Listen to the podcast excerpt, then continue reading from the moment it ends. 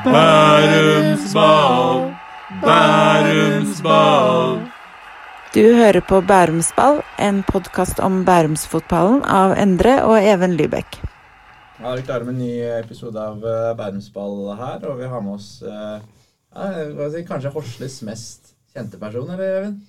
Ja, Erik og Chris har vel eh, låter der oppe, men eh, de har ikke spilt med Zlatan, så jeg vil si det, ja. Ja, Erik og Chris og Jørgen Skjelvik, da, velkommen til deg her. Takk. Må ikke glemme Bjørn Einar Romøren. da. Han er jo også blitt godt kjent. Ja. Huset på hjørnet der, til, hvis du kan ta til venstre rett før Eikeli og Ja. Eikeli Idioten her, ja. Var nabo med Petter Belsvik òg, var han ikke det? Jo, så det er profilert, men Jørgen Skjelvik oppe der, i hvert fall, da. Ja. Um, og så var du Du er hjemme på liten ferie her eh, nå? Ja, Ja. stemmer. Jeg har egentlig ferie på ubestemt tid. da. Ja. Mens kontrakten er ferdig i Danmark, så får vi se når jeg lander i en ny klubb. ja. Hvordan er det å ha en sånn tilværelse? Foreløpig så går det greit. da. Det er en stund til eh, overgangsvinduet åpner 1.7. Um, så foreløpig er det ganske rolig, men det er klart det kan jo bli stress etter hvert hvis ikke det skjer noe. Ja, hva tenker du? Hva tenker du? Er du avslappa? Har du vært ofte i sånne situasjoner før? Hvordan, eh, hvordan er på en måte hodet og kroppen i en sånn situasjon? Ja, jeg har opplevd det før. Jeg opplevde det i Rosenborg annet. Men da var det jo ekstremt mye interesse sammenlignet med hva det er nå. Um, begynner å bli gammel, vet du, det fotballgamet her. Det er ikke så lett. Blir 32 i sommer, da er det, er det lunkent. Men eh, nei da, det er, eh, det er jo litt samtaler her og der, og så får vi se hva det, hva det lander på. For da er det på en måte agenten, agenten som, som gir deg noen heads ups hvis det skjer noe? Og så er det sånn at du kommer med ønsker til dem hva du kunne tenke deg, eller hvordan foregår de prosessene da? Ja, vi er ganske sånn Nå har jeg jobba med er Mark Kjøle, da, som er min agent, så jeg har jobba med han hele, hele karrieren. Så han, han kjenner meg godt, og jeg stoler på han, og han vet, vet hva jeg vil og hvor vi skal hen, holdt jeg på å si. Så får vi se, da. Han kan jo ikke trylle heller, så vi må jo håpe at det, det er noen som er litt interessert. Ja, for da var det OB som du var sist i, i Danmark. Um, Men eh, du har ikke vært der hele livet. Begynte jo i, i Horsle, som vi var inne på i starten her. Hvordan, eh, hvordan husker du tilbake til starten av eh, fotballkarrieren på For det het, het det Øvrevoll Horsle da, eller het det bare Horsle? Bare Horsle, da, ja. Horsle, ja. For det var jo ØB også, de gule draktene, husker jeg. Mye kamper på Jarmira Cup mot ØB Horsle etter hvert. Ja, det var jo først etter at jeg eh, dro til Stabæk at de slo sammen Øvrevoll og Horsle, da, så det ble Øvrevoll Horsle. Så det var bare Horsle når jeg, når jeg var der. Men det var jo um, grus, det, da. Spilte litt på grus på den eh, som ligger ved skolen her, Horsle skole. Den som nå har blitt eh, både kunstgress og kunstis og alt. Så det har vært helt eh, fantastisk anlegg der nå. Men det Ja, gode minner derfra, for så vidt. Hvordan trente du, trente du på en spesiell måte da du var liten for å, få, for å bli så god? Um, nei, jeg bare var interessert i fotball. Det var det jeg syntes var gøy. Så var jo fotball i alle friminutter og etter skolen og hele tiden. Um, og så fikk vi opp den ballbingen, da. Den som ble kalt Oscarsløkka, ble den kalt. Mm. når jeg eh, begynte å spille der. Så den, eh, den hjalp oss veldig, da. Kunne spille inn i den og, og trene, ja, trene god teknikk inne på en sånn liten bane. og så det var uh, virkelig der det hele startet. Da Når den kom opp, så var det, da ble vi ivrige. Var det er jo mange kjenner deg selvfølgelig for å være en veldig rask eh, spiller. Var du, var du alltid vært så kjapp? Var du det da du var liten eh, på Oslo også? Ja, jeg vel var født ganske eksplosiv, ja, så det, det har sine fordeler. Men det hadde jo sine ulemper på den eh, tida òg, men det kan vi kanskje komme inn på litt senere. Men ja, det var, var raskt en gang òg, ja. Mm. Det er vel liksom når, når man har de ekstreme ferdighetene, i hvert fall når du er liten, hvis du enten er sterk eller rask og i tillegg er litt ålreit med ball, så kan du jo fort være en sånn spiller som bøtter inn utrolig mye mål på syver og elver. Og var du en barnestjerne, eller? Ja, det var jeg nok. Jeg uh, skårte vel de fleste målene når vi spilte på syver, og så Ja, i hvert fall på Oslo, da. På, på elver der så var jeg også den som på en måte skårte mål. da. Og så når jeg byttet til Stabæk, så ble jeg litt mer uh, tilrettelegger. Du sa noe med ulemper i stad som vi kunne komme mer inn på, men uh, vi kan jo ikke la den henge for lenge for eh, lytterne våre. Hva, hva var det du tenkte på? Nei, Det var jo da jeg byttet til, eh, til Stabæk, da det ble mer treninger og hardere treninger og bytta til kunstgress. Um, så slet jeg ekstremt mye med skader. Uh, kroppen tålte ikke tålte det ikke. Jeg fikk mye betennelser og irriterte muskelfester og ja. Så de mente jo at jeg var eh, litt for sterk og eksplosiv da, for min egen kropp, nærmest. At kroppen hang jo ikke helt sammen, så ledd og ja, muskelfester da, fikk kjørt seg, så jeg var jo konstant skada nærmest uh, en periode der. Ja, hvilken periode var det da? Ja, Når kan det ha vært? da? Det har vært mellom uh, 15 og 17 da, år. Mm. Da var det mye egentrening og rolig trening og nærmest bare spille kamp, og så tre-fire dager med, med ro og fokus på skole, og så var det klar for kamp igjen. Ja. ja når var det du ble henta til Stabæk fra Harstad? Det var ikke den vinteren jeg var 14, så det året jeg fylte 15. da. Ok. Var det en sånn prosess der hvor de hadde fulgt over tid, eller hvordan funka det? For det er jo sånn, ja, du er jo på en måte en ung, eh, ung spiller. da. Hvordan var den overgangsprosessen der? Nei, Jeg var vel veldig klar på å prøve noe selv da, og ta et steg videre. Så det var sånn enten å bli flytta opp til å trene med førstelaget til Øvre Horsle, som da spilte i ja, om det var tredje eller fjerde divisjon, husker jeg ikke. Men det, ellers var det å gå til Stabæk da, og få satsing på et høyere nivå med mine jevnaldrende. Ja. Og på den tiden så var det en Lubomir, en eller annen bulgarer, tror jeg kanskje han var, Ja. som var trener, som var kjent for å fly litt rundt i media og melde og, Ja, okay. og hente inn eh, litt spillere fra både her og der, og han var litt uortodoks. Så ja, så det var egentlig han som uh, henta meg til, til Stabæk, da. Hvordan var det å komme til, eh, til Stabæk for deg? da? For det var en tid hvor Stabæk eh, selvfølgelig var en mye, mye større klubb enn en enn Horsla. Altså Der fikk du vel spille med spillere som var ja, plutselig like gode som deg og bedre enn deg, da, fra å være stjerne. Hvordan, hvordan var det? Uh, det gikk egentlig veldig greit. Uh, det var en veldig fin, fin vennegjeng, og jeg har mange av de samme vennene fortsatt i dag. Uh, så det gikk egentlig veldig greit, og jeg tok vel nivået sånn ganske, ganske fort. Det var ikke noe sånt jeg følte jeg hang etter, eh, etter der. Det var det ikke. Så det Som sagt så er mange av mine beste kamerater dag i dag spilte på det laget, så det, det var en veldig fin tid. Og disse har jo vi selvfølgelig snakket med. Eh, vi har jo bl.a. fått innspill om en modellkarriere og en modellkontrakt med et litt shady byrå, hvor han møtte opp i kjelleren til en kar på østkanten for å ta prøvebilder. Hva, hva skjedde her? Ja, hva skjedde der? Det var eh, ganske sånn random, så fikk jeg bare melding på Facebook av en annen fyr. Trenger kanskje ikke gå ut med navn her. Eh, og så viste det seg at det var en annen eh, sikkert han du har med, da, en annen lagkompis som hadde fått samme meldingen. Og så snakket vi om dette her, da syntes det var litt uh, veldig spesielt og litt uh, lættis. Og så bestemte vi oss bare for å prøve, da, hoppe uti og se hva er dette er for noe. liksom. Er det noe å gå for, liksom? Og så ja, som du sier, da, så var det ned i kjelleren med en litt uh, shady aldrende mann uh, som sto og tok bilder og Så det var uh, det, det Jeg frykter at det er noen som har de bildene fortsatt, og det, det var ikke bra. Så det var noe Ja.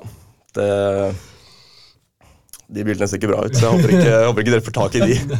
Hvordan ble det opp? Eller hvordan kom det da ble du, Hadde han sett bilde av deg på Facebook, eller hadde han sett dere på Nadderud, liksom? Eller hvordan oppdaga han det? Jeg tenker at det var gjennom eh, Facebook, ja. At det var, eh, var der. Og så hadde jeg en bror som pusha meg litt òg. Syntes det skulle vært uh, lættis. Han nå må gjøre dette skikkelig og stille opp. Jeg tror faktisk han som kjørte meg dit òg. Så det, nei, det var ikke Det kom ikke noe særlig ut av det. Nei, Så nevnte vi jo med skader, så har vi også fått et innspill. En dag byttet de nummeret til dama hans og fysioen på mobilen, så han, sendte, han endte med å sende en lengre kjærlighetserklæring til legen utpå kvelden. Ja, jeg var mye i kontakt med fysio på den tiden. her Det var, eh, hadde han nærmest han på, øverst på lista mi. Så det Jeg husker at de skifta nummer, og det tok jo litt tid før jeg skjønte det òg. Det var jo det var hyppig melding, melding mellom der, så det Ja, det oppsummerer vel den, eh, de årene det er ganske bra, med mye skader og uh, mest kontakt med fysio. Også siste innspill. Uh, Hadde et voldsomt crush på Selena Gomez. Ja, det stemmer, det hadde jeg faktisk. Uh, Det hadde jeg faktisk ganske lenge òg, men jeg husker. Så det Etter High School Musical, eller? Ja, det, ja, eller hva det var for noe, det husker jeg ikke. Men det, jeg hadde faktisk crush på henne ganske lenge. Det, det hadde jeg. Og så er det jo eh, også noen hyggelige ord her, da. Han var og er en ordentlig gladgutt som lo voldsomt mye. Meget takknemlig publikum for alle klovnene i garderoben. For øvrig også et voldsomt temperament når det først smeller, men blir fort blid igjen. Kjent for å stå på midtstreken med hoftefeste mens resten av oss jobbet i forsvar. Ellers digget han å ligge hjemme og se dårlige filmer. Ekstremt lite initiativrik, men alltid med når noen andre drar i gang noe.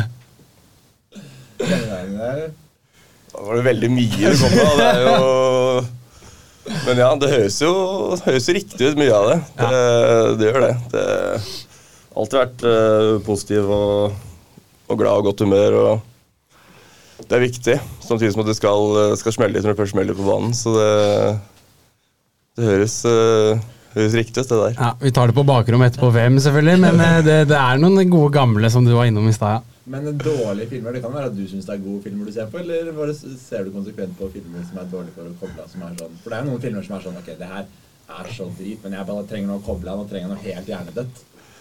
Ja, det, det har vært mye filmer jeg ser opp igjennom. ass. Det der Fotballivet er ikke alltid, er ikke alltid like fett som man skal sitte og, og lade opp på et hotellrom.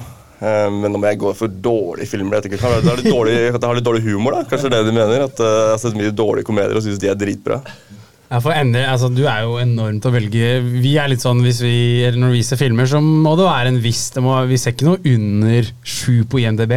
Nei, men jeg tenker når vi først eh, Ja, vi har jo ikke levd det fotballivet du har levd, men hvis vi først skal se en film sammen, eller så sette oss ned og har en, en eh, fri kveld da. vi ofte, Hvis vi trener, så er det på kvelden, eller hvis vi jobber når vi, vi jobber med våre ting, så er det ofte kveld. Og hvis vi har en fri kveld hvor det er sånn Ok, nå har vi noen timer, da, er det, ok, da legger vi litt ned innsats, sånn at vi ikke ryker på en sånn dårlig komediesmell. Og da er det jo IMDb, selvfølgelig. Filmpolitiet er fint, syns jeg.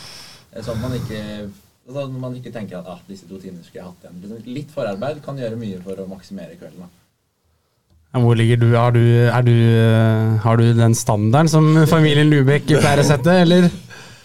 Ja, innimellom så skal man jo se en god film. Det er jeg enig i. Men det er jo som du sa i sted, at eh, noen ganger så trenger du bare sitte og glane i veggen nærmest og bare koble av og prøve ikke å tenke for mye. Så da, da er det greit å smelle på noe, noe litt uh, dårligere som bare får, uh, får tiden til å gå.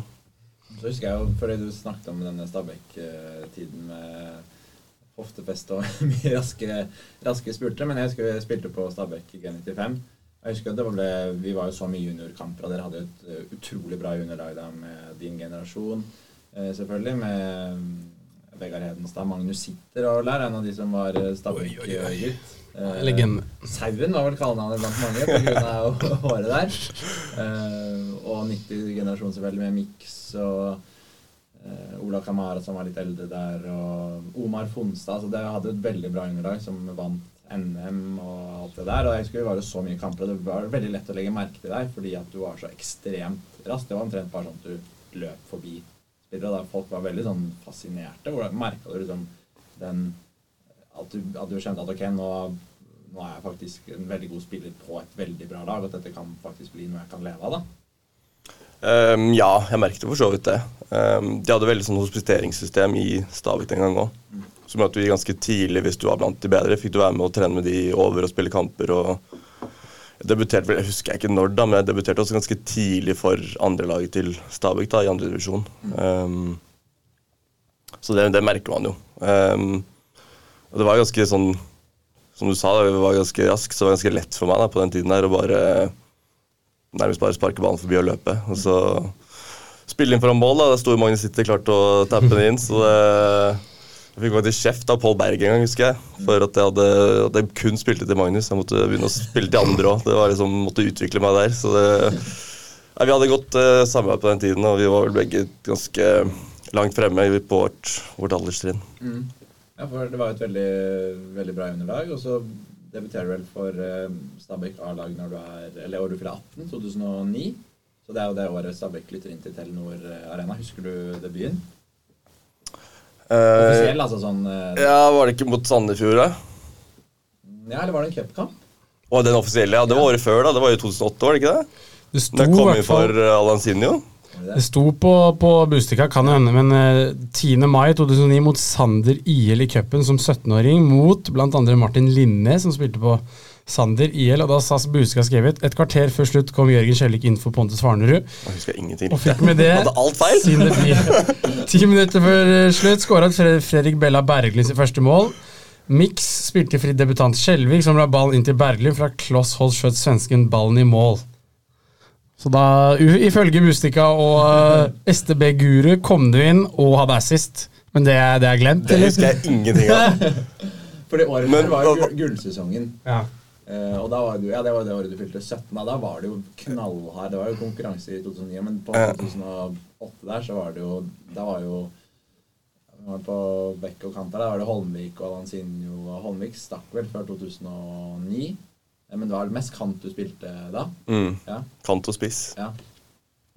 Det som er litt sånn mindfuck her, er jo at uh, på fot nei, Wikipedia, som vi selvfølgelig ikke skal referere for mye til, selv om den har blitt brukt mye, vil jeg tro, så står det at du har eh, spilt i 2008, men det står ikke på fotball.no, ikke på STB-guru.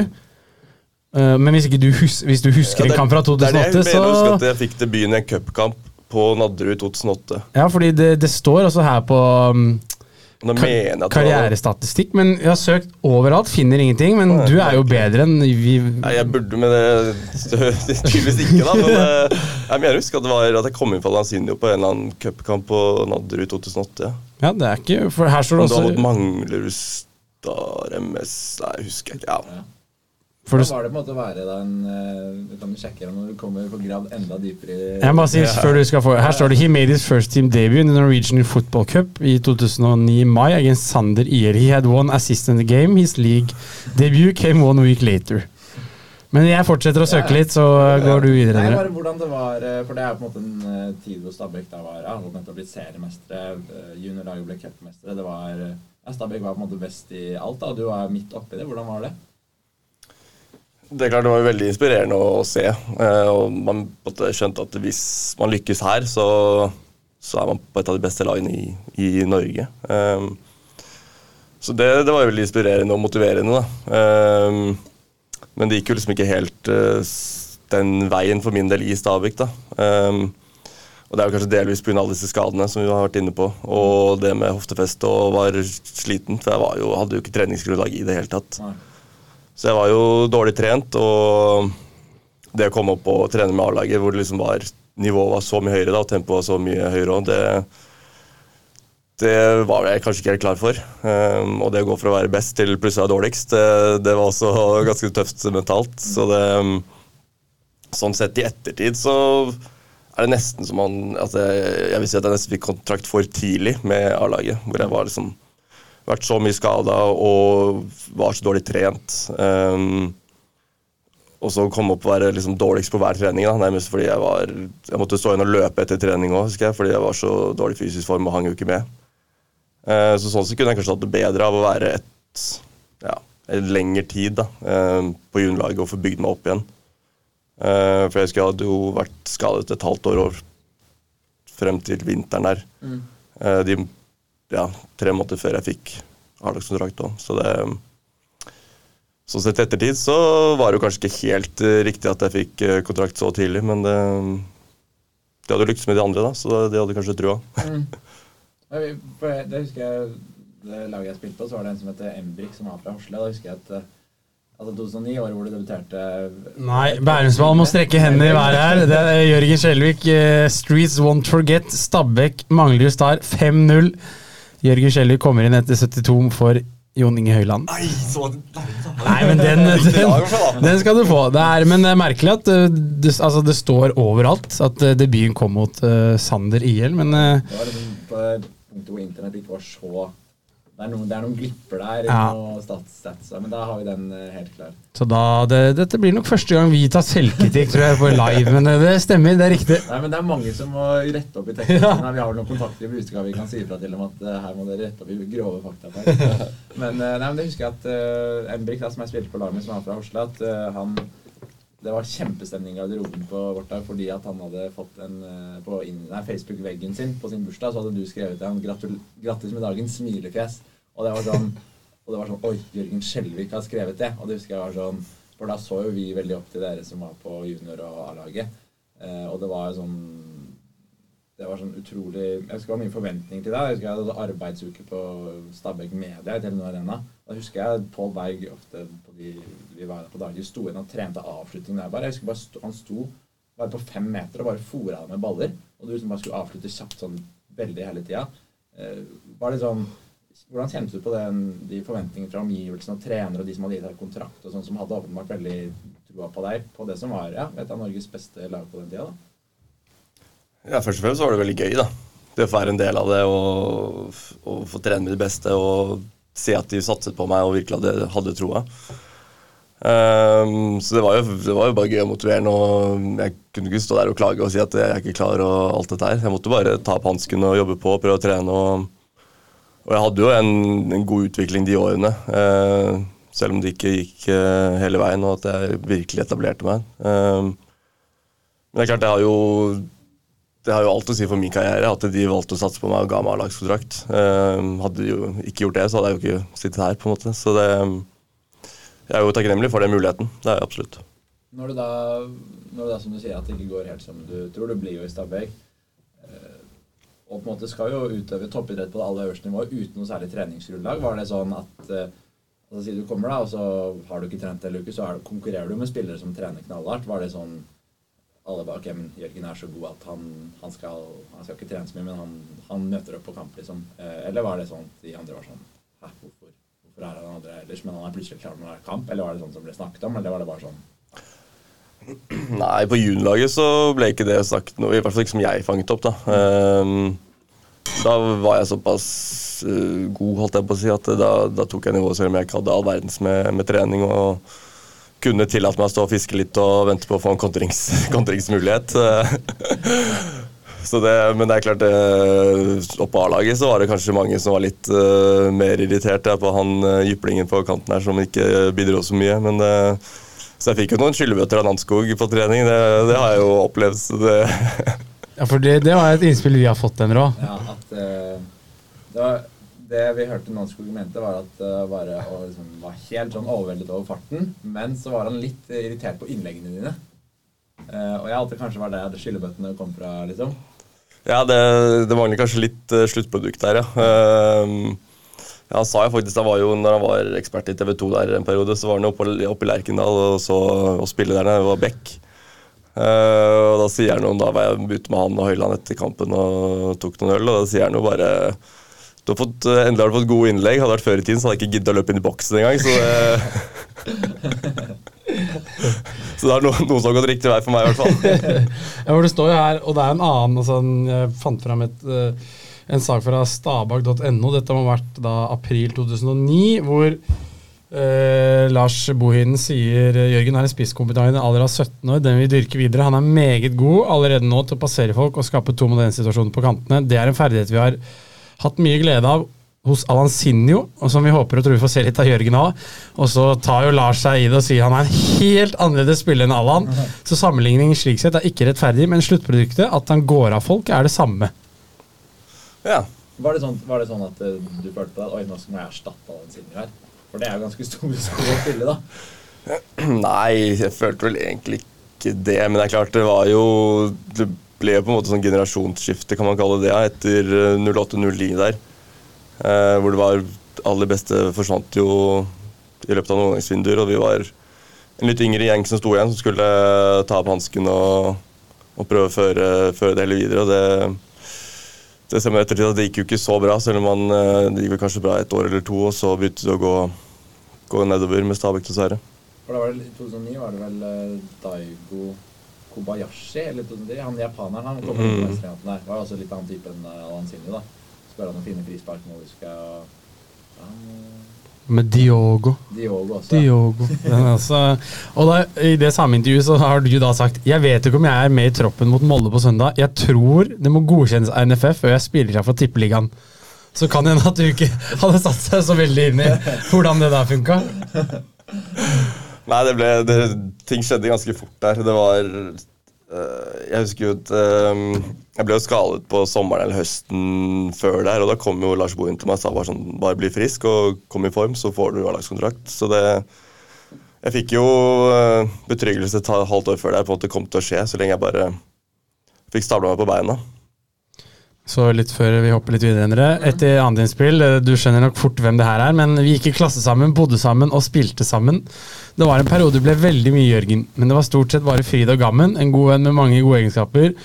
Kan trekke frem godt humør, latter. Han sier det som det er, og slurvete med dobørsten. Mange gode historier og minner fra tiden sammen i Stabæk. At Jørgen har spilt sin beste fotball som midtstopper, hadde jeg ikke trodd da vi spilte sammen i Stabæk, men han fikser det meste. Spør om hvor mye han kan om magisk realisme. Ja, det er jo Vegard Hedenstad. Uh, kanskje? Ja, det var en fin tid. Ja, vi bodde jo sammen i Oslo, vi. Um, det er jo han som har uh, lært meg alt, da.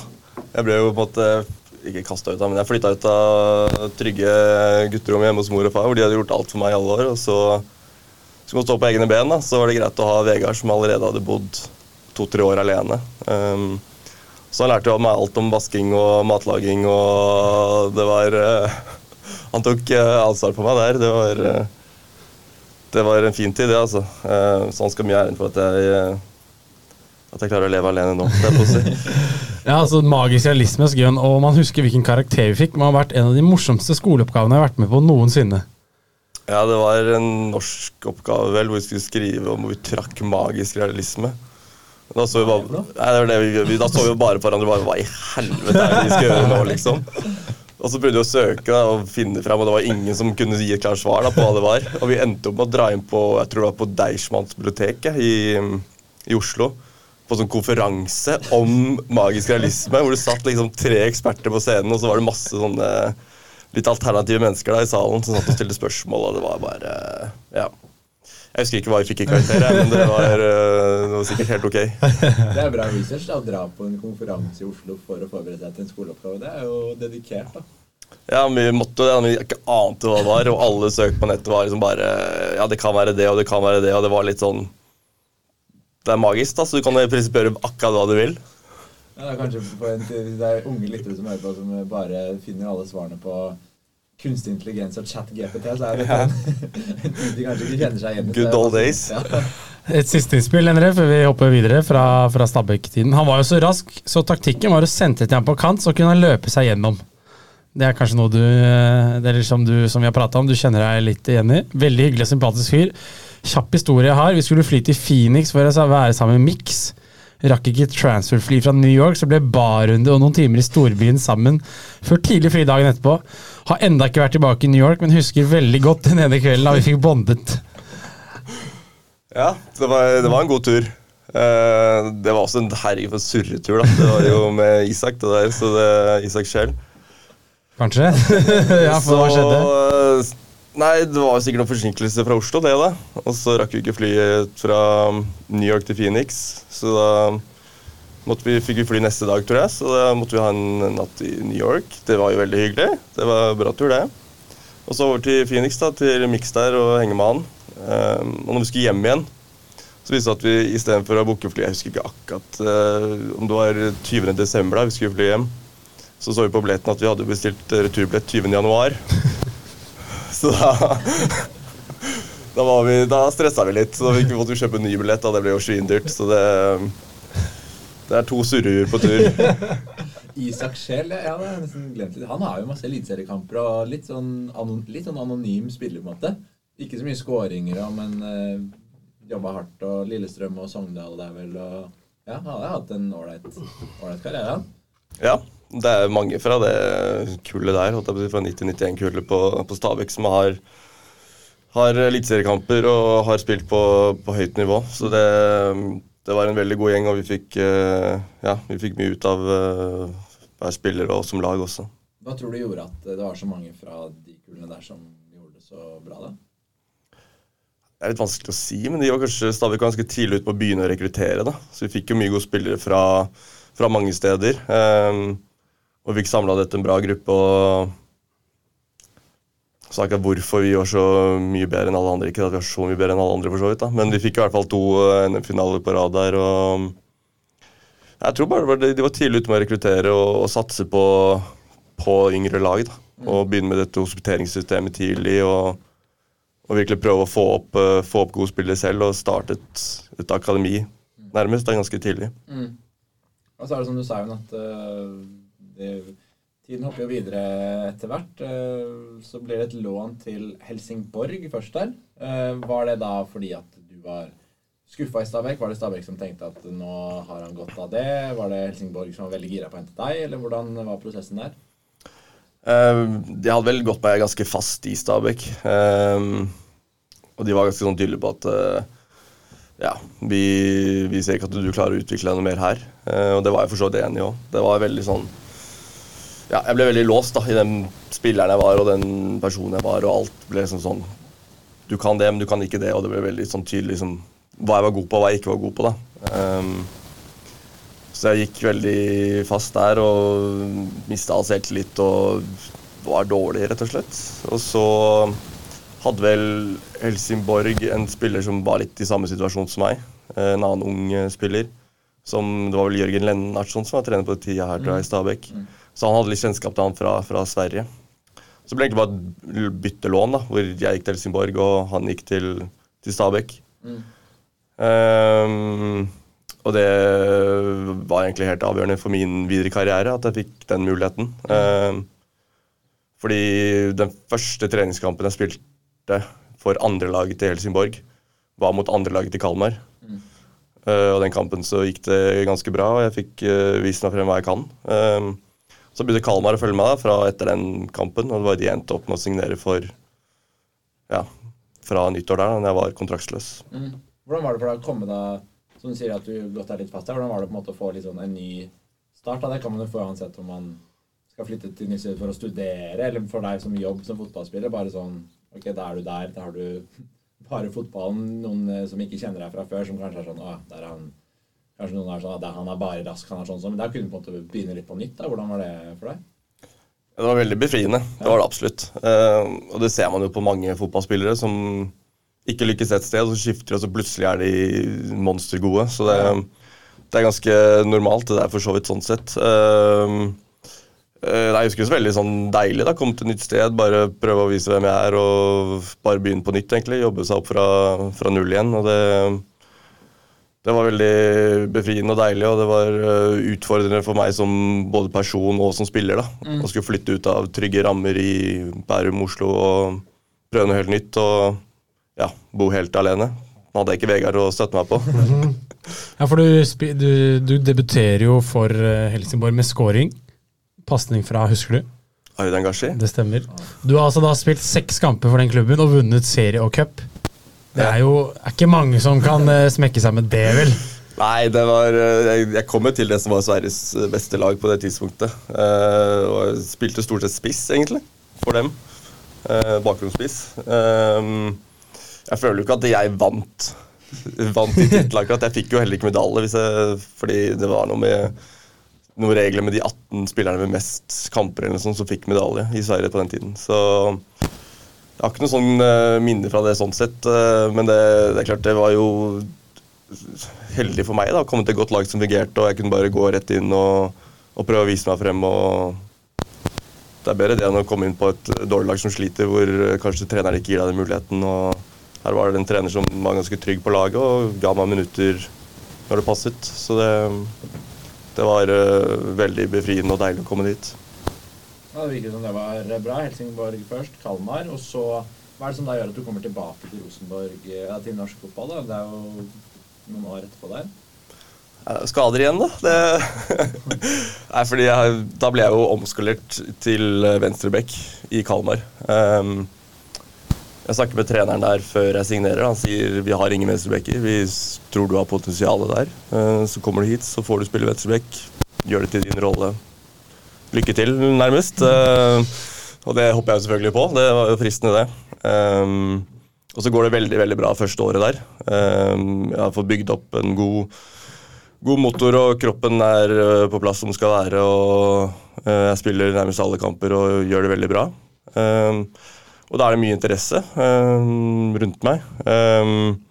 Og jeg får debut på U21-landslag eller U23-landslag eller hva det nå, hva det nå er, eh, mot Russland, tror jeg, på La Manga.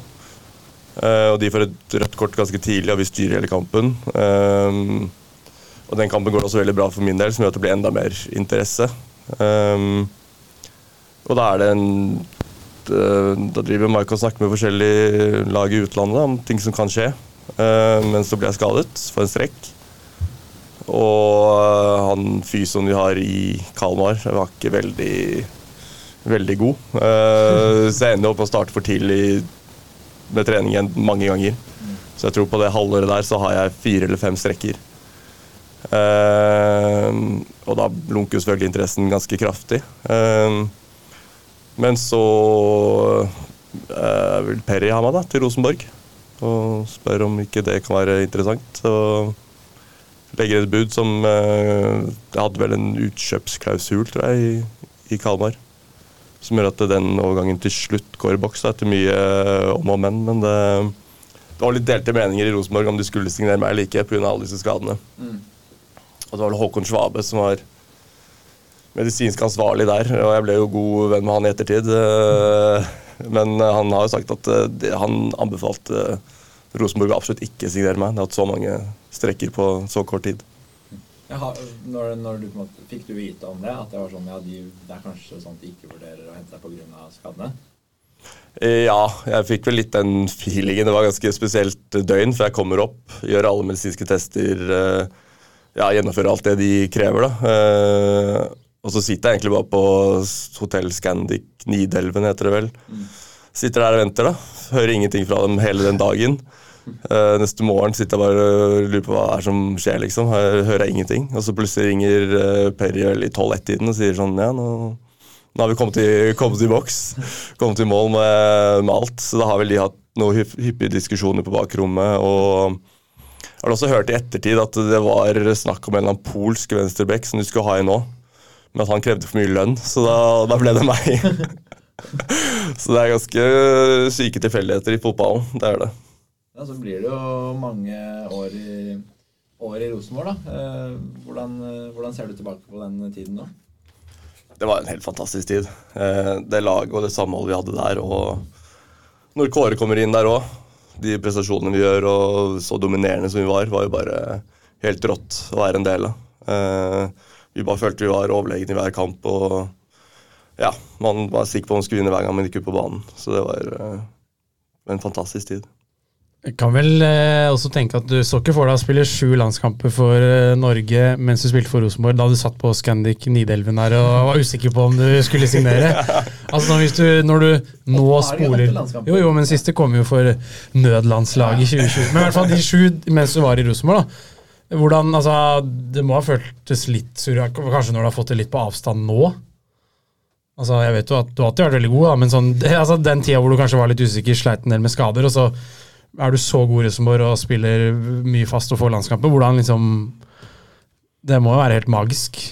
Ja, det var helt fantastisk. Um, og det, den type trening og det treningsregimet som vi hadde i Rosenborg, passet meg ekstremt bra. Med ganske korte, intensive treninger. da, Hvor jeg fikk mye sprint og mye repetert sprint. og Det var på en måte det som var min spillestil òg, så det passa litt bedre enn den der eh, klassiske 4-4-kjøret som man hadde hatt i, i Norge i mange, mange år. Ehm, så det responderte kroppen min bra på. og ja, utviklingen jeg hadde der var ganske var bra.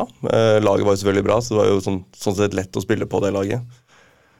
Og da jeg etter hvert også ble flytta inn som stopper, så var jo på en måte det Det var jo på en måte den skreddersydde rollen for meg, da, hvor vi sto høyt og dominerte, og jeg kunne bare bruke farta mi til å, til å løpe opp de andre. Eh, og så ha fantastiske spillere rundt meg som gjorde at jeg bare kunne nærmest konsentrere meg om det. da. Så det det var eh, en fantastisk tid, og det samholdet vi hadde der. og ja, Det var mye, mye moro utenfor banen òg, for å si det sånn. Det var en god gjeng. Ja, Så får du jo landslagsdebuten mot eh, Danmark i november 2013. Hvor var du, Hvordan kom det i, i hop? Altså, det at du ble kalt inn, først og fremst? Det husker jeg faktisk ikke, skal jeg være ærlig. Det, hvem var som trener på det? Var det Per-Mathias Haugmo, eller? Som var 30, ja, det kan vel uh, godt hende. Jeg er litt usikker, faktisk. Men det, var det er ikke sånn at du husker liksom jeg satt i bilen på vei til kamp da jeg fikk høre det, eller Nei, det husker, husker jeg faktisk ingenting av. Jeg, husker, jeg, tror- jeg tror jeg fikk gult kort, gjør jeg ikke det? Første året jeg kom inn. Kan det stemme at jeg bare meia ned han der eh, fullstendig overtenning? Og Ja, ja, det er, eh, ser sånn ut her. Det er et utrolig svensk Nei, dansk lag. Altså Bentner, Christian Eriksen, eh, Agger, Kjær, Uh, Viktor Fischer fra benk. Hvordan, fikk du, hadde du noen sånne aha-moments eller da du sto og skulle inn på Du fikk jo tross alt spille en halvtime, men det var ikke liksom ett minutt på slutten. Hvordan var liksom den følelsen da du gikk inn til kampdag og satt i garderoben med gutta? Var det inne, ja.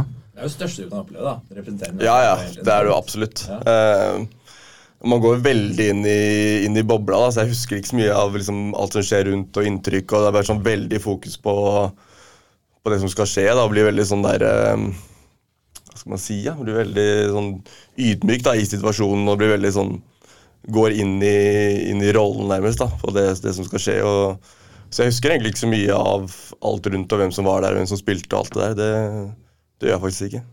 Det er litt morsomt eh, når jeg prata med han Mikael Maden, da, som har en kamp for Schalke, spiller nå eller sitter på benken i Fredrikstad. Han fikk liksom det aha-øyeblikket. Han gikk på den banen med plass til 60 000, selv om det var tomt, fordi det var jo korona. Men eh, det var liksom det om det var sånn da du så Christian Eriksen, eller om du da du ja, ikke sant, fikk beskjed nå skal du inn fra fysioen, eller altså han som varmer opp. Det var ikke noe sånn du husker nå hvor du tenkte oi, nå skal jeg spille inn og spille for Norge, liksom. Nei, jeg gjør dessverre ikke det. altså. Jeg skulle gjerne hatt Nei, ikke at det, noen jeg bare, det historier, men Eller om den nødlandslagskampen, altså var det helt sykt? Eller er, eller er du liksom sånn du spiller kampen, og så glemmer du det litt og tenker ikke så mye over det? Nødlandslaget er litt nyere, da, så det Ja. husker jeg ganske mye bedre. Det var også en ganske syk opplevelse. hvor du hvor jeg får en telefon spør liksom, kan du være interessert i å stille på kort varsel. Så er det sånn, ja, Hva skjer nå, liksom? Og så har du lest meg litt i media hva som foregår. da. Eh, og så er det journalister som de ringer rundt, og det er sånn, telefonen går jo ett kjør. som du, 'Har du blitt ringt opp, og skal du med?' og sånn, 'Ja, jeg har fått en telefon', liksom. så... Og så sitter man bare og venter også der hele dagen da, på hva som skal skje, for det er jo så mye logistikk de skal få styr på. alt det der. Så får jeg plutselig sitte og vente hele dagen, da, så får jeg melding sent klokken tolv eller noe sånt på kvelden. Um, du må ta morgenflyet i morgen klokken fem, liksom. Det var sånn, ok, fett. Det...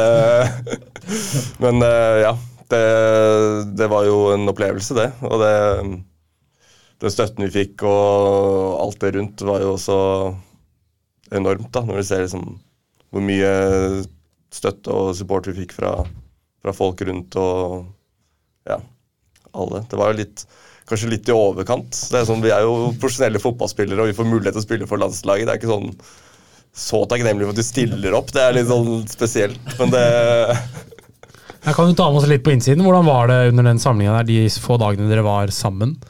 Altså Det man ikke fikk lese om i media? Nei, Det var en veldig god stemning i lag. og eh, Det var ganske mange nye spillere man ikke var kjent med. Så det var handlet litt om å prøve å bli kjent på kort tid. og Alle satt jo litt i samme båt og samme situasjon. Syntes det var veldig spesielt og, og spennende. da. Så det var, det var egentlig bare Vi gikk bare inn med lave skuldre og var positive til det hele. og Bestemte at vi bare skal kjøre på og gjøre det beste ut av det. Så får vi se hvor lenge det, hvor lenge det holder, holdt jeg på å si. Smerud er god på det der å liksom bygge det mentale hos spillergruppen nå. Han var jo jobbet jo mye med det. Og ikke så mye taktisk. Det var mer bare å få liksom, hodene på plass og ja, kjøre oss inn til, til kamp sånn sett. Så det, det var en god go i det laget. Når du da Sånn du sa at eh, telefonen ringer, og ja, kan du møte over så mye journalister som ringer. Er du en sånn fyr som tar telefonen selv om du ikke vet hvem som ringer? Eller er det sånn søke og svare Oi, ja, det er han, ja, den. Da bare ringe opp igjen. Eller hvordan forholder du deg til det? Nei, Stort sett tar jeg ikke telefonen, nei. Så det um, Jeg tror først jeg fikk melding Ja. eh, om jeg kunne tenke meg stille, og så ringer de. Da tok jeg telefonen. Ja. Og så ringer det masse ukjente numre òg. Da tenker jeg hvem kan dette her være? Da? Er det en trener? Er det en annen i NFF som ringer? Så da følte jeg måtte ta den. da. Og da var det jo noen sleipe journalister da, som skulle ha noe innsideinformasjon. Ja, for de kunne jo ikke kontakta deg på verken Twitter eller Instagram, for der er du ikke. Facebook ganske inaktiv. Du er jo litt sånn Ja, du har ikke noe veldig på sosiale medier. Er det en bevisst eh, ting at du på en måte har kobla deg litt eh, av? Ja, det, det var for så vidt det i Det var i USA, hvor jeg egentlig bare følte jeg brukte for mye tid på det. Det ga meg ingen glede, det ga meg ingenting. Eh, Jeg har aldri vært veldig aktiv ellers, så det har liksom vært sånn Legge ut ett bilde i hver tredje-fjerde måned. Eh, og så kom jeg egentlig til punkt der jeg følte at det er andre ting jeg heller skal bruke tid på enn å sitte og scrolle på Instagram i fire-fem timer, og heller gå ut og nyte sola og være i LA og få gjort litt skolearbeid, som jeg også har prøvd å få til. Og, så det var egentlig sånn bevisst valg, og jeg tenkte at eh, nå, nå må jeg prøve å velge hva som betyr noe her, da. Lærerstudier har det vært det? Ja, pedagogikk. Ja. Så jeg har, øh, har siste året nå, da. Okay. Så jeg har akkurat fullført to eksamener, så vi får se hvordan det går. Ja. Venter på karakter. Og så har jeg ett år igjen, da. Så bachelor skal jeg skrive fra, fra vinter av. Ja. Og så har jeg en bachelor i sport management også, som jeg tok når jeg var i Rosenborg. Så her er mange muligheter. ja. Men er du sånn, sånn som eh, da vi gikk og studerte, så var det liksom veldig spennende å få tilbake karakter, litt viktig. Ja. Er det for deg, eller er det liksom, driter du i karakteren, tenker på hvor du skal spille neste år, eller er du litt sånn nervøs for hva du får nå? Hvordan funker på Ja. Front. Nei, litt nervøs er jeg selvfølgelig. Ja. Ehm, det har jo selvfølgelig betydning. Eh, Jeg sitter jo ikke og gjør dette bare for å få drittkarakter, liksom. Men det, jeg tenker at det viktigste er at jeg kommer meg gjennom og får en, får en diplom, eller hva man får, da. eh, Som jeg så kan bruke senere. Og så tenker jeg at karakteren har vel ikke så mye å si når jeg skal søke jobb en dag. Det blir vel kanskje eh, prøve å bruke litt trynefaktor og si jeg kommer jeg til å spille fotball, og ansett meg. Så det vi får se om noen har, om det er en eh, ledig jobb i Stabæk. Ja, for jeg kan jo se for meg, altså, Bare til det du sa med, med ringing av journalister for oss, Steiner. det Sånn, se for deg du sitter på VG-desken eh, i november 2020, og så plutselig ringer man deg, og så tar du den. Og så sier du ja, jeg har fått tilbud, så er det sånn Oi, nå kan vi få 100 000 klikk på den saken her. Så sånn, at det ble gjort sånn, sikkert dritdigg for de, ikke sant? Mange av de gutta her de ikke får tak i i det hele tatt. Og så plutselig søker du opp navnet ditt, og så ligger nummeret ute, og så ringer de, og så svarer du. og så sånn Jeg tror nok det har vært en god følelse på desken der òg. Fikk svar der, ja. Sånn Hvis du var litt sånn Ok, nå må jeg kanskje ta den i ti minutter her nå, da. Ja. Så treffer man akkurat. Og så har man et nytt navn og kan melde. Og nei, da, jeg kjenner igjen den følelsen der, tror jeg i hvert fall. da. Ja. Nei, nei, nei, er ikke det den mest spennende å snakke med heller. da. Som en journalist får nyss i et eller annet om meg, så er det ikke, det er ikke mye klikk de får, men kanskje ti ekstra. da. Nei, For det har vi, ja, vi snakket jo om det litt her i stedet, fordi du var vel litt på en Heia Fotball-EM-podkast for noen år siden da du spilte i Rosenborg, men du har ikke vært med på noen sånn, sånn som det her, sånn hvor det er deg som er fokus, eller det har ikke vært så mye Jørgen Skjellig portrettintervjuer. Er det sånn at du eh, takker nei, eller er det sånn at du ikke har fått så mange forespørsler, eller hvordan på en måte er ditt forhold til ja, de medieeksponering, at du er en offentlig person, da? Nei, Det har vært veldig lite, og det har vi kanskje noe med at eh, den perioden jeg var på topp, så var jeg i Rosenborg, hvor det var mange andre profiler som var mer interessante å snakke med. Og så det samme i USA, egentlig, da, hvor det også er mange større profiler som også er mer interessante å snakke med der borte. Så det, det er vel egentlig bare resultatet av at jeg har uh, vært en uh, OK midtstopper og ikke noe mer, og så har uh, det vært større stjerner som har vært mer interessante å snakke med. Men ja, for det, dette sa med posisjonsbytter. Hvordan har det vært for deg å spille så mye forskjellig? Fordi at eh, det er noen som bare spesialiserer seg et sted, og så blir de der, og så blir de gode. Men du har jo vært veldig mye rundt som proffspiller også. Har det vært bare helt problemfritt, eller har det vært sånn litt utfordrende og, og på en måte ikke bare vært én posisjon hele tiden? Nå har det de siste årene vært mest back og stopper, og det er ikke så stor forskjell. Det er klart det krever litt mer motor å spille back enn stopper.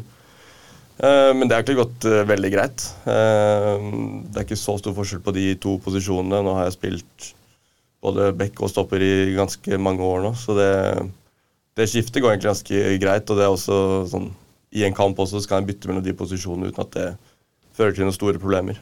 Hvilke, hva, hvilke forskjeller ser du på det å spille langt fremme i banen og bak? sånn, Hva fordeler ulemper? Du har på en måte Som stopper og bekk har du spillet foran deg, men som spiss har du ofte spillet bak deg, og du blir jo mye mindre involvert og de tingene der. Hvordan, hvordan syns du ja, Vi skal veie opp fordeler og ulemper mot foran og bak i banen, da, for din del?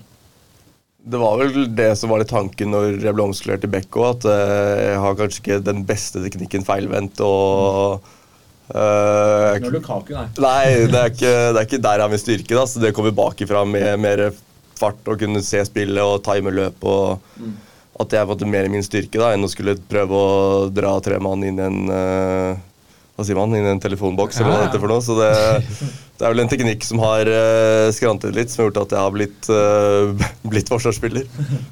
Ja, vi, Endre, det er, du kan svare ja på det neste spørsmålet. Tror du jeg har hørt med noen i Rosenborg om hvordan det var å spille med Jørgen? Ja, Det stemmer, Ja, ja. det her, ja. Han var en som hadde glim, alltid glimt i øyet, humor og greier med alle. Fantastisk å ha en gruppe. Han var typen man kunne snakke fotballfaglig seriøst med, typen man kunne kødde med, typen som holdt kvinnenes tale under avslutning, og litt av alt, egentlig. Husker fortsatt at han hadde det største fylletrynet jeg har sett dagen der på på Boter etter sesong, i hettegenser og med hørselsvern. Ja, det var Stengte hele omverdenen. Ja, det var, ikke, det var ikke på hjemreise, men det var, um, det var jeg og Mushaga Bakenga faktisk som arrangerte botur til Tallinn. Uh, og så har vi vært på grisefylla da, selvfølgelig på, dagen, på fredagen der. Og så lørdag morgen så hadde jeg ordna at vi skulle ut og skyte med noe uh, pistoler og gevær og litt av hvert. Mm. Og Da måtte jeg ha på hørselsvern, og så var jeg for tung i huet og sliten til å gidde å skyte, så jeg satt egentlig bare i hjørnet med hørselsvern på og så rimelig medtatt ut. Så det, det er vel historien bak den. og så en, en, siste før vi skal over dammen. Fantastisk fin og morsom fyr. En av de bedre stopperne jeg har spilt med. Drev på med flipping og investering av eiendom, så går ut fra at han eier halve Oslo nå. Er det, skal jeg kommentere? Ja, det er lov, det. Nei, Flipping driver jeg ikke med, det, men det er klart det har vært uh, litt investering i eiendom. har det vært i Oslo, så det, det har vært en god investering, det. Ja, og så Jan Thomas ga en terningkast seks i ei avis en gang på både hårfrisyre og utseende, og jeg må si meg enig. ja, det er et stort kompliment, da. og så Alle har jo skrevet uh, 'kos dere' og 'hils', så bare gode ord å si, Endre. Ja, og så var du inne på det her i stad. Vi har jo ennå ikke kommet til noe av det som vi syns virker mest interessant. At du dro der fra Rosenborg til LA Galaxy og spilte proff i USA. Men du var jo så en kamp Jørgen uh, spilte. Dette, hvis ikke Jørgen så deg på tribunen, det tror jeg skal godt gjøres. Men hvordan var det å se Jørgen i aksjon da du var i USA? Hvor var det du var og så han? Eh, jeg så han i LA. LA mot Chicago Fire i mars 2019. Zlatan skåra. Schweinsteiger spilte for uh, Chicago Fire, husker jeg. og Jørgen Skjelvik 90 minutter. Og vi prøvde vel å rope på deg, men uh, det var nok noen Zlatan-rop og Schweinsteiger der som overdøvet min uh, slitne, hese stemme etter ti timer på fly. Hvordan var det å være fotballproff i USA og leve det livet der? Det var uh, fantastisk, det. Eller jeg er en fantastisk by å bo i. og ja, Kosa nede ved stranden der hver dag, og det var det ble litt annet fokus enn det har vært i, i Rosenborg i mange år. da, hvor Det var kun fotball, og så hjem og sitte inne i regn, og så var det klart til trening. Så det er klart det, det var jo noe mer som lokket enn bare fotballen også. Um, og så er det jo store stjerner der borte, da. Uh, gøy å oppleve. Um, fotballen, altså soccer, da, som heter, er jo ikke så stort sånn i landet generelt. Så det, man går veldig under radaren og får gå veldig i fred, og du kan gjøre egentlig hva du vil uten at noen kjenner deg igjen, med mindre du er Zlatan, selvfølgelig. Mm. Så det, det var et veldig behagelig og godt liv der borte. Det var det absolutt. For de fleste spør ja, hvordan var det å spille med Zlatan, men det, det gidder vi ikke å spørre om. for det er alle spurt om. Hvordan tror du Zlatan ville svart hvis han, han får spørsmål hvordan var det å spille med Jørgen Skjelvik? Nå som han har lagt opp, og så er det sånn eh, Ja, ja, vi har ett spørsmål her på bakerste rad. Siste spørsmål. vi har flidd hit til denne referansen. Vi representerer en liten podkast i Norge. Nei, men Hvordan tror du eh, han ville svart på det? Nei, det Man husker meg i det hele tatt. Det er det store spørsmålet. Men det, nei, det, han var en uh, artig skrue, han, altså. Det var uh, Han kalte meg jo Scandinavian fuck, så det var jo uh, Det kan si kanskje alt om han. Han var Han kødda mye, og han Ja.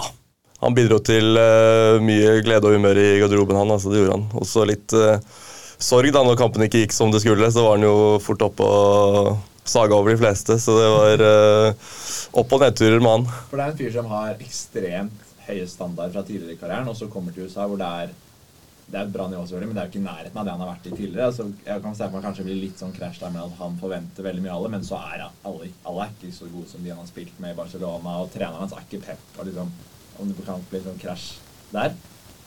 Ja, det tror jeg nok det ble for han, ja. Så det, det var en helt annen hverdag enn det han var vant til. Eh, det er klart, eh, Galaxy er jo kanskje den mest profesjonelle klubben der borte, med liksom støtteapparat og treningsanlegg og alt.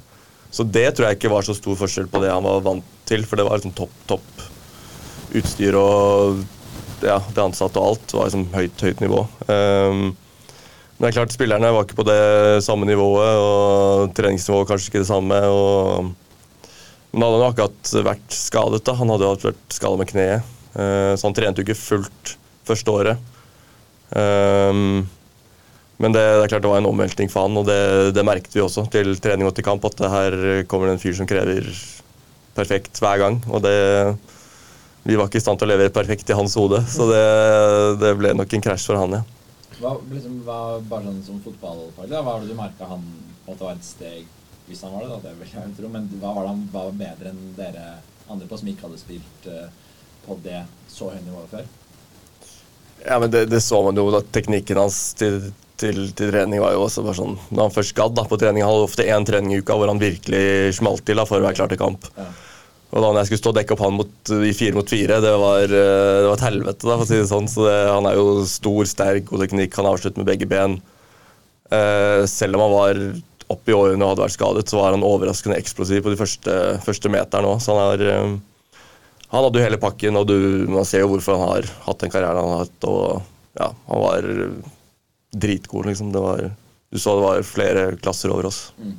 Men fire mot fire er et, en, en spillsekvens man kan utnytte slapp defensivt eh, arbeid. Var det sånn at du, eh, det var deilig å spille offensivt mot han? eller eller tok han jobben, så var han helt på hele treninga? Når han først gadd? Nei, Han tar seg noen pauser, han. Ja. Han er kanskje den som jobber hardest defensivt, det var han ikke. Men det, du må alltid passe på han, for hvis de vinner ballen, motstanderne, så er du rett opp på han. Og så har han en meter på deg da, så er du jo ferdig. Så du må alltid være være klar. Mm. Tror du mange kjente Nå spilte du med Ashley Cola, som tross det er en kjempestor spiller, men tror du mange kjente på at Eller tror du noen mange på laget ble liksom litt starstruck og liksom ikke turte å si fra litt og sånn, eller hvordan funka det innad i gruppa? Eh, ja, det tror jeg. Jeg tror det skifta eh, hvordan gruppa fungerte og alt der, ja. Vi hadde jo noen Ashley Cole, altså Santos-brødre nå, som også har vært spilt i Barcelona, Villarreal, så de har jo også en bra karriere bak seg. Så det er klart, det påvirker kanskje ikke dem så mye, men det er det, det, det, det gjør litt uh, med en person når du plutselig blir skjelt ut av Zlatan til trening og til kamp. Så det er klart uh, det var mange som eh, fikk seg en støkk, og som ja, kanskje ble litt nervøse og kanskje ikke klarte å slippe seg helt løs. ja. Hvordan var det for deg, ja? Nei, nå har jo jeg blitt skjelt ut av Nanskog, da, så det er jo kanskje det samme nei, nei. To svenske gigantspisser. Nei, det, det, er jo egentlig noe jeg har vært vant med fra både i Stabæk, hvor det var høye krav, og i, i Rosenborg, hvor det også var høye krav, og det var høyt under taket, og man skjelte ut hverandre til trening. og så det var, det er klart, det, det stikker litt ekstra når du blir skjelt ut av Zlatan, men det var ikke noe sånt at jeg følte at det påvirker meg noe i noe negativ uh, retning, eller kanskje til det positive. Hvordan, jeg synes Det var interessant det du sa i stad med, at, uh, sånn med sosiale medier, at du kutta ut det litt og ble litt sånn mer bevisst spesielt der. da, Var det noe, uh, var det noe spesielt du ble bevisst på som var viktig for din livskvalitet ved at du på en måte, ok, kutta ut sosiale medier, fikk mer tid til ja, Du nevnte jo sol her i stad, og det er selvfølgelig en fin ting for å ha det bra. Men var det noen andre ting du merka der hvor du på en måte lever et veldig godt liv, som var sånn ok, dette gir meg, dette gir meg uh, veldig mye, som du ble bevisst på der? Ja, det var vel jeg hadde aldri vært særlig interessert i sosiale medier og det eksponerer meg selv og lik, trives best i bakgrunnen. Mm. Og så var det en periode det siste halvåret i USA hvor det gikk uh, dårlig i, med fotballen. Uh, jeg hadde et forhold som gikk dårlig, uh, så det ble slutt med min eks jeg bodde med der. Og da var jeg litt sånn Nå går fotballen dårlig, kjærlighetsforhold eller livet går dårlig. Så var det litt sånn veiskille i livet. da, Følte jeg ikke sånn Så ekstremt var det kanskje ikke, men det var litt mer sånn visse valg jeg kunne ta da, for å gjøre livet bedre. og hva, Hvem vil jeg være, og hvordan vil jeg stå i fremtiden. Litt mm. sånn ja, Ikke eksistensiell krise, men det var litt sånn av hele livet vært fotballspiller. da, og Nå gikk mm. fotballen dårlig, mm. og forholdet gikk, uh, gikk, dårlig. Så det var litt sånn Hvilke valg kan jeg ta for å, å trives, ha det bra, uh, lykkes på fotballbanen igjen? Uh, så ja. Mm. Det var litt sånn, det var en krise da, som skulle til, nærmest, for at uh, det skulle bli bedre. på en måte. Hva kom du fram til, da? Nei, hva kom jeg fram til? Riktig prioritering i livet, da. Kutte ut uh, sosiale medier var en av de. Det, var, det følte jeg var en liten del, da, for det hadde ikke vært en stor del av, av livet mitt sånn sett. Så det var bare sånn Ja, det kan jeg like godt uh, legge vekk. Mm. Og så var det bare å fokusere på meg selv, da. Uh, fokusere på litt mer på fotballen kanskje enn det, enn det man hadde gjort i i USA i perioder, hvor det var liksom, livet utenfor var, var, bra, som gjør at kanskje fotballen ikke alltid kom i første rekke. da. Så jeg ble litt sånn kanskje litt lei av fotballen nå, når det hadde vært så seriøst i så mange år. Og leve det livet liksom 24-7. da. Ja. Um, så var det sånn deilig å bli fri nå. ja, legge alt litt, litt, vekk og fokusere litt mer på meg selv, kanskje.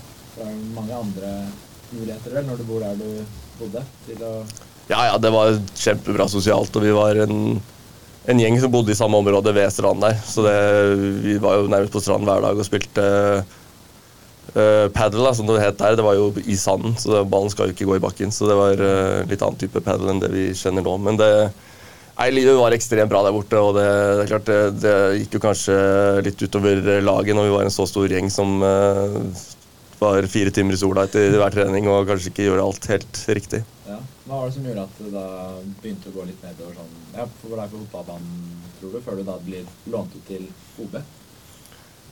Jeg syns det var veldig vanskelig å spille i, i USA i MLS. Uh, jeg hadde vært vant med liksom, det taktiske var orden. Alle visste hvor de skulle stå, alle visste hvordan vi skulle bevege oss.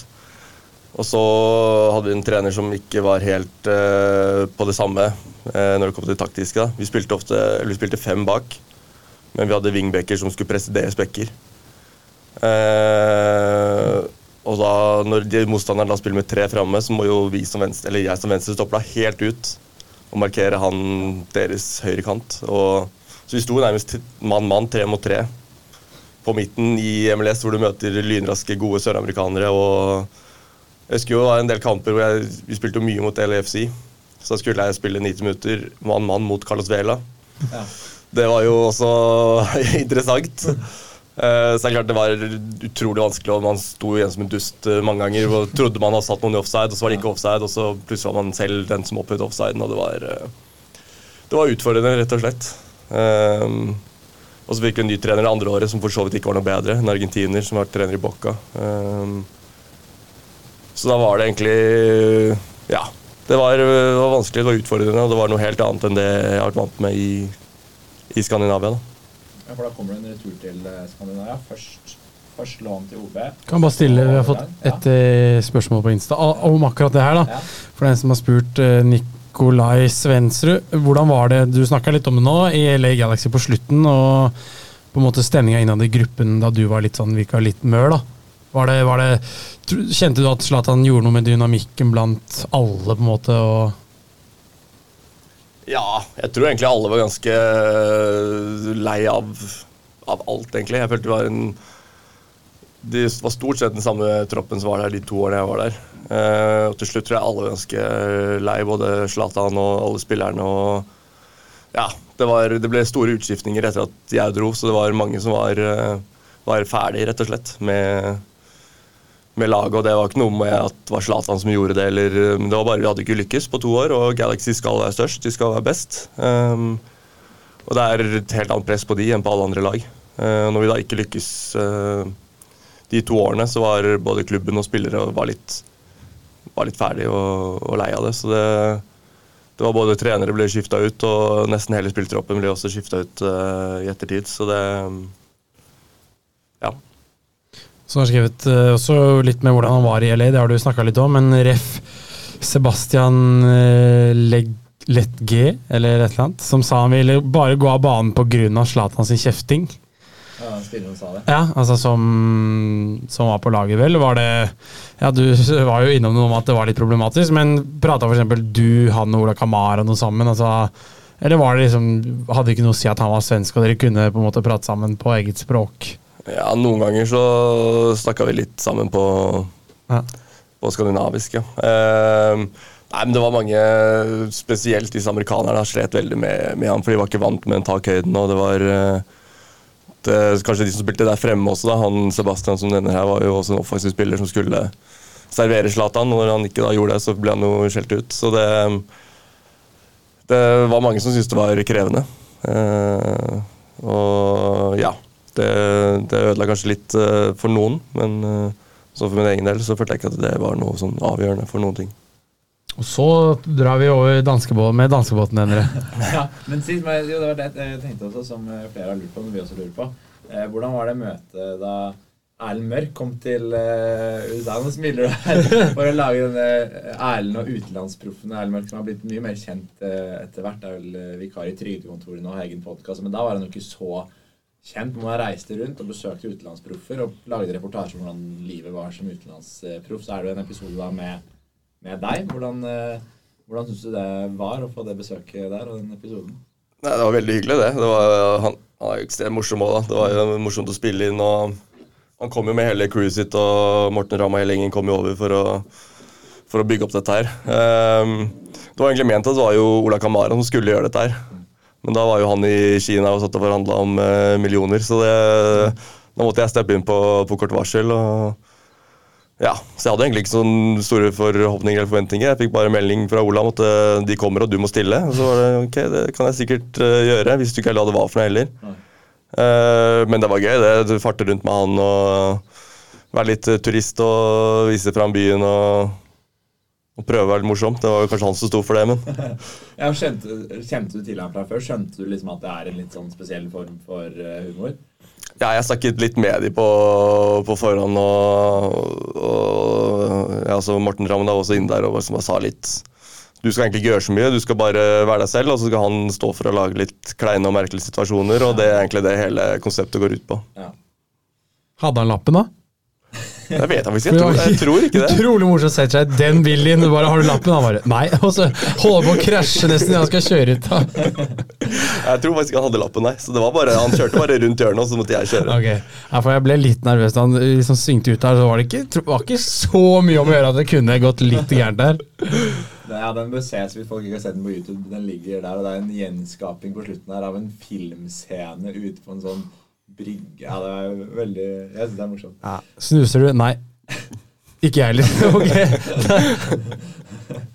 Men så kan vi ta danskebåten, for det er jo da foreløpig siste stopp i karrieren. da, Det med OB. Hvordan har årene vært i, i Danmark? Da har du på en måte runda først Norge, nei, først Norge, ja, så Sverige, så Danmark. Hvordan, eh, hvordan har det vært? Eh, Det har vært en bra tid sånn eh, personlig. Eh, Fått spilt mye og ja. Funnet kjærligheten i Danmark og Hyggelig. trivdes veldig bra sosialt og, og alt. Så har fotballen vært eh, veldig sånn opp og ned, da. Det har ikke vært noe det skal, eh, OB skal jo være en stor klubb i Danmark, men det er klart det er lenge siden de har vært det. Og vi klarte ikke å komme oss eh, tilbake der vi skulle være, som er liksom topp seks som gjelder i Danmark. da, For da kommer de i dette sluttspillet. Så vi har blitt liksom syv og åtte de årene jeg har vært der. Så fotballen har ikke vært noe, noe høydere. Men det, det var veldig bevisst valg på meg, fra meg etter uh, Galaxy. At nå vil jeg hjem til litt tryggere rammer i Skandinavia og få tilbake litt uh, motivasjon og glede med fotballen. da. Um, så da ble det OB, da, og det har jo vært en fin tid hvor jeg har funnet litt uh, ja, tilbake til fotballen igjen, hvis man kan si det. Og det har vært, vært bra. Ja, Hva tenker du videre nå? Fordi da har du jo ikke kontrakt der mer. Er det da sånn du gjerne skulle ønske at du kunne fortsatt der, eller var det en enighet om at nå avslutter vi samarbeidet her? Ja, det var en enighet. om at Nå avslutter vi. Eh, det har vært en fin tid, men det er klart det laget har ikke utviklet seg i noen noe retning. og Jeg begynner også å bli en eh, litt eldre fotballspiller, så det, skal jeg prøve noe nytt, så er det, så er det nå. Og så blir det spennende å se hva det er for noe. Eh, som vi var litt inne på tidligere, så er det litt begrensa med, med utvalg, kanskje. Men det jeg føler sånn Markedet i Skandinavia er jo åpent. Jeg har jo fått et ganske godt navn i Skandinavia sånn sett. Og så ja, er det å se litt hva som rører seg i, i utlandet, om det er noe annet spennende man kan hoppe på sånn før karrieren tar slutt. Hva har du mest lyst til, da? Nei uh, Litt er lov, men uh, du får, nei, det er jo moro hvis du vil eh, åpne ja, Si litt.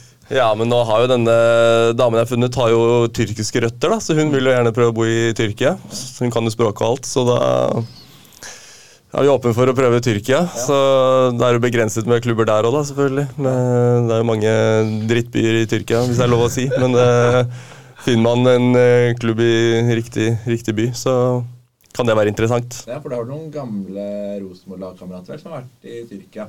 Kanskje hørt litt med dem om uh, stå- Ja, det har jo vært mange norske i Tyrkia opp gjennom årene, så det er flere jeg kan eh, spørre der. Og det er veldig varierende fra lag til lag og by til by. og Det er mange som har forferdelige historier, og det er mange som har gode historier. Så det, det lønner seg å komme til et sted hvor de har uh, i hvert fall sånn passe kontroll på økonomien, og det går an å bo der. Så det, det er litt sånne ting. Ja, men Du er på ferie i Tyrkia fra norsk side, det? Er et område som kan anbefales. Antalya, et uh, seksstjerners der, ja, med all inclusive. Det si fra, kan jeg si fra hvor det lå. Hvordan funker det sånn hvis du er i kjempeform og liksom er dritgod, så har du masse klubber som er interesserte, men kunne du gått til Mike Kjøle nå og sagt liksom, jeg vil til Tyrkia, kan du hjelpe meg? Må man liksom sende mixtape, sånn som man gjorde før man skulle inn på NTG? Eller hvordan, hvordan funker liksom den myten hvis du går til han og sier noe han kanskje ikke hadde helt sett for seg? da? Nei, han, er, de, han og Morten Vivestad, som er mine agenter, de er vel på ballen der og har vært en stund. og De har jo gode kontakter rundt om i verden, så det er vel ofte bare sånn at de snakker med noen agenter som de kjenner eh, lokalt, som har kontroll på det markedet som de vil inn i. Og så forhører de seg videre med klubbene, og så, hvis det er noe interesse, så kommer de tilbake igjen. Det var litt sånn jeg havna i, i USA, at de samarbeider med en som har kontakter borti der, og så sender han ut uh, CV-en min, eller akkurat hva de sender ut, vet jeg ikke, men i hvert fall ut til klubber, og så ser man hvem som er interessert, og så vender de tilbake til, til agentene. Så har du sagt eh, Det er Busega-intervju hvor du sa at du har planer om å etablere deg i, i Bærum. Eh, det sto ikke akkurat når du ønsket det, men er det fortsatt sånn at du har lyst til det når du ja, etter hvert blir, eh, blir litt eldre? Ja, det er et fint sted å vokse opp. Det er det absolutt. Så det, det er vel planen, det. Så får man jo se da, hva som skjer. Men det, det er jo ikke fremmed for å spille for Stabæk igjen heller. Det er klart Jeg har jo kanskje noe uoppgjort i klubben her. og og det å bo her og ha kamerater som går på kamp og har sesongkort. Så det, mm. På et tidspunkt så kan jo det være mulig. Så spørs det selvfølgelig om det passer for begge parter. om Hvor gammel er jeg, og hva er motivasjonen min og motivasjonen til Stabæk. Hvis ikke så, hvis jeg blir for gammel, så får jeg vel prøve å søke meg jobb i klubben som noe annet. da. Nå sitter Andreas Aalbu med noe markedsansvar rundt her nede, så han får bare ringe meg hvis han har behov for noe hjelp. Ja, for det er jo både Marius Gaugård og Uh, Mikkel uh, Lysand og Magnus Ruud spør da når er du tilbake til Stabæk. Kan du komme tilbake til Stabæk nå? Når er du klar for comeback? Tilbake i blått? Og tre spørsmålstegn. Stabæk neste. Hva kan du si til uh, Stabæk-fansen? Ja, Det er jo vanskelig å svare på. da. Er, I den fotballbransjen her så kan man aldri utelukke noe eller si noe for sikkert. Så det, når det skjer og om det skjer, det er umulig å svare på. Men uh, jeg er ikke fremmed for tanken, det er jeg i hvert fall ikke. Så får vi jo se hva, ja, hva kropp og hode sier om, eh, om, det, hvis det skulle bli aktuelt på tidspunkt. Om det blir nå eller senere, det vet man jo ikke. Men det, det går jo bra om dagen med dem, så de behøver kanskje ikke noe hjelp akkurat nå. Vi får vente til det blir litt krise. Sånn, ja, altså, når du er ferdig som fotballspiller, sånn, med den utdanningen og sånn der, har du peila ut noen sånn drømmejobb eller noe du ser for deg dette skal bli min nye karriere etter at jeg er ferdig som fotballspiller? Nei, jeg har jo vært uh, inne på tanken om typ noe sånn markedsavdeling uh, i, i, fotballklubb. da, F.eks. Stabæk. Jobbe med, få inn sponsorer og jobbe med dem og, og noe sånt. Eller så er det jo kanskje noe NTG. Kunne jobbe meg inn der og blitt lærer eller trener eller et eller annet på, på sånn type. Um, så det har litt muligheter å åpne, tenker jeg. Lurt. Mm. Sverre SK ble dessverre ikke etternavnet ditt, for det er både navn på Instagram-bio og Instagram-navn. Men uh, Sverre lurer på hvordan vil du se tilbake på fotballkarrieren din enn så lenge? Vellykket, gått etter planen, eller? Uh, ja, det vil jeg jo si. Det at når jeg sitter her nå og har vært med å vinne det jeg har vunnet, og fått landskamper og det er ikke alle som får oppleve det. Eh, å se tilbake på den karrieren, det, det gjør jeg med stolthet. Eh, det gjør jeg absolutt. Eh, opplevd store ting, spilt med store spillere, eh, vunnet titler, tjent OK med penger. Ja. Det, det, er ikke alle forunt. Og det, det er litt vanskelig å være oppi det og drive og sitte og, og, og tenke tilbake på det nå, men det det har absolutt vært en god karriere, og kanskje bedre enn det mange hadde sett for seg. Og kanskje meg selv også. Så det, det er absolutt uh, positivt. Det må bli helt begravelse. Det er jo fortsatt noen gode år. ja, ja, ja, ja. For å si det sånn, Vi har sett landslaget den siste tiden, og ja, det er vel en viss posisjon der hvor man kanskje kunne trengt en som kan eh, løpe litt og slå litt gjennom leddet og være litt, litt tryggere med ballen enn det gutta er der bak der, kanskje.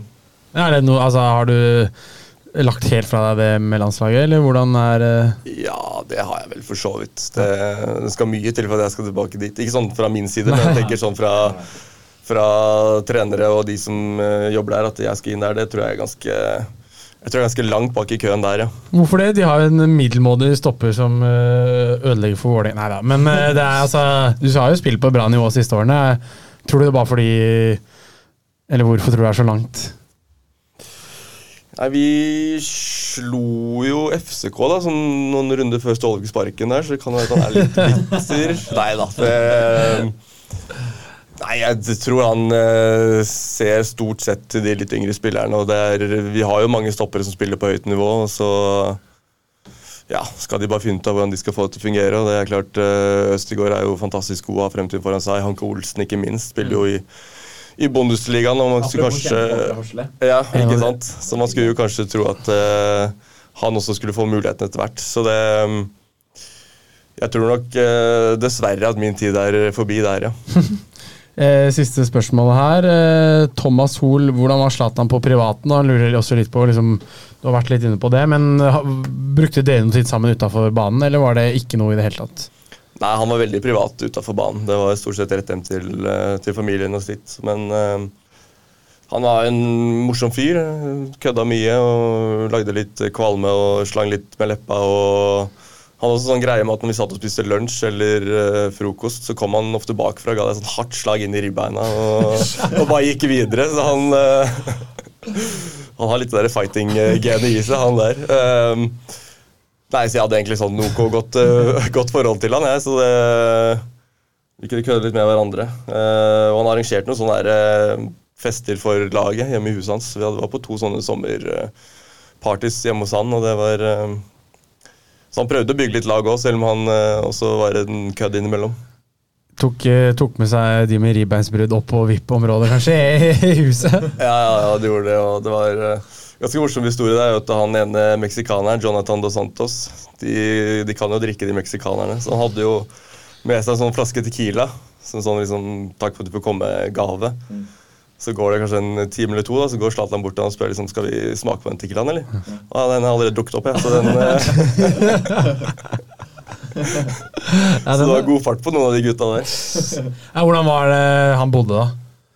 Ja, Han bodde fint, han. Det var uh, fint hus oppe i Beverly Hills-området der med basseng og ja, litt nyere, moderne hus. Så det, det var fint, det.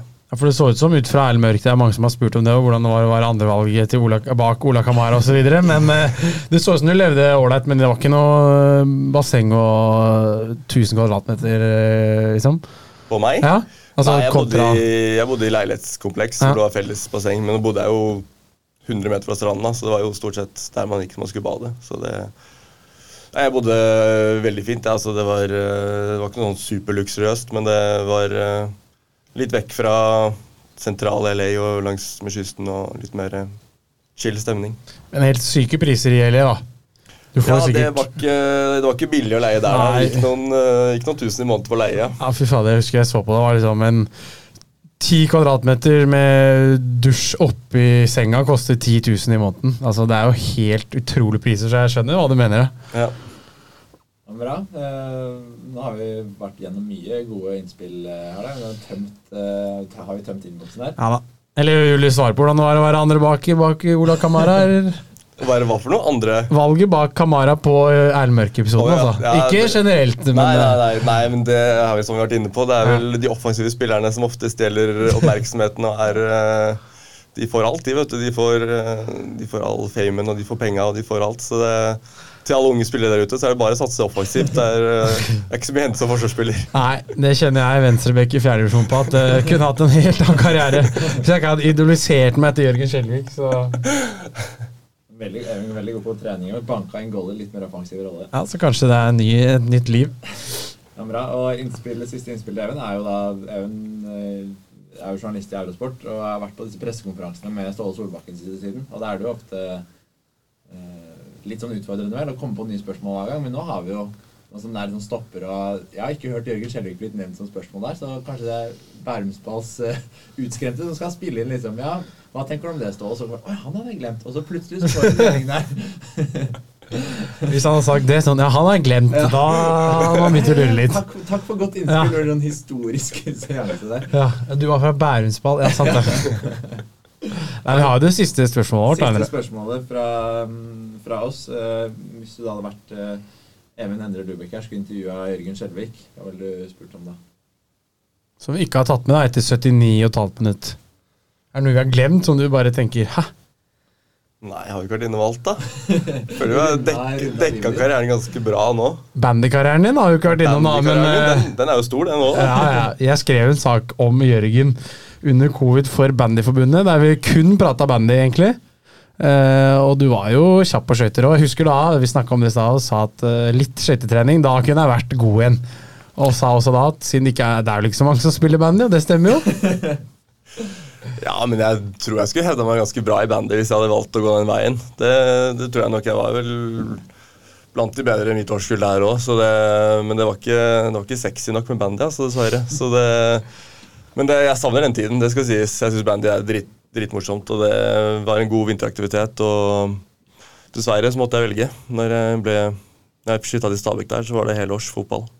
Kan vel se om vi kan ordne noen VIP-billetter på Høvik eh, Øhyll til vinteren. da. Jeg skal se om vi kan få det til. eh, Mul muligens for deg. Sisa, når du er tilbake i Bærum her, og siden jeg har podkast om Bærumsfotballen Det er jo det er jo mange gode spillere. Det er mye bra fotballag i Bærum, men ikke så veldig mye engasjement, ikke så mye folk på kampene. Hva, hva tror du skal til for at det blir på en måte mer blest, og at Bærumsfotballen får den oppmerksomheten som den fortjener? Oi. Kanskje skal bli markedsmann Ja, og selge inn litt og bygge et produkt og Jeg tror dessverre det er vanskelig. Altså. Det er klart det må en eh, Det må en ordentlig hype til eh, fra toppen, tenker jeg. At liksom, Nå er det litt hype rundt, rundt landslaget. Eh, hvis de lykkes, så blir det generelt mer fotballhype. Mm. Og så hvis da Stabæk samtidig gjør det bra, så blir det en hype rundt dem, og da vil det så spre seg nedover. Men det er klart uh, Bærumsfolket er vriene. Altså. Det, er, eh, det er for mye penger og for mye andre goder, og det er hytteturer som skal gjøres i helgene, og det er, eh, jeg tror det er faktisk et litt um, vriet marked, og det ser man også på Stabæk-kampen, at det er, eh, det er litt skrantent med publikum. I hvert fall nå i sommer, eh, sommermånedene. Så det, det, det er vanskelig å få gjort noe med, dessverre, tror jeg, men man får eh, håpe at det kommer litt eh, Vi opplevde jo det i Danmark, en veldig hype rundt eh, landslaget der når de gjorde det bra. Så det er klart at det Hvis man lykkes med det i Norge òg, så det, kan man få en ny, ny blest igjen rundt fotballen generelt. Kanskje vi har hatt eh, både Vegard Hedenstad her som gjest, og Mix har vel snakket om at han kanskje skal tilbake til seg. Kanskje det er det som skal til, få de gamle heltene tilbake. Litt sånn ute i 30-åra. Dere skaper litt ny blest, så kommer folket på Nadderud igjen. Kanskje, kanskje vi da får den entusiasmen og trekket igjen. Ja, Vi får på at det ikke er noe trekkplaster om noen år, så får vi se. Det, det har vært morsomt det å få Forhåpentligvis få på plass en ny stadion nå. Det, det vil gjøre mye. Å få litt modernisert det der anlegget litt, og så, så får vi se hva det blir til. Siste, da, Ashley Cole, hvordan var han å spille med? Hva slags type var han?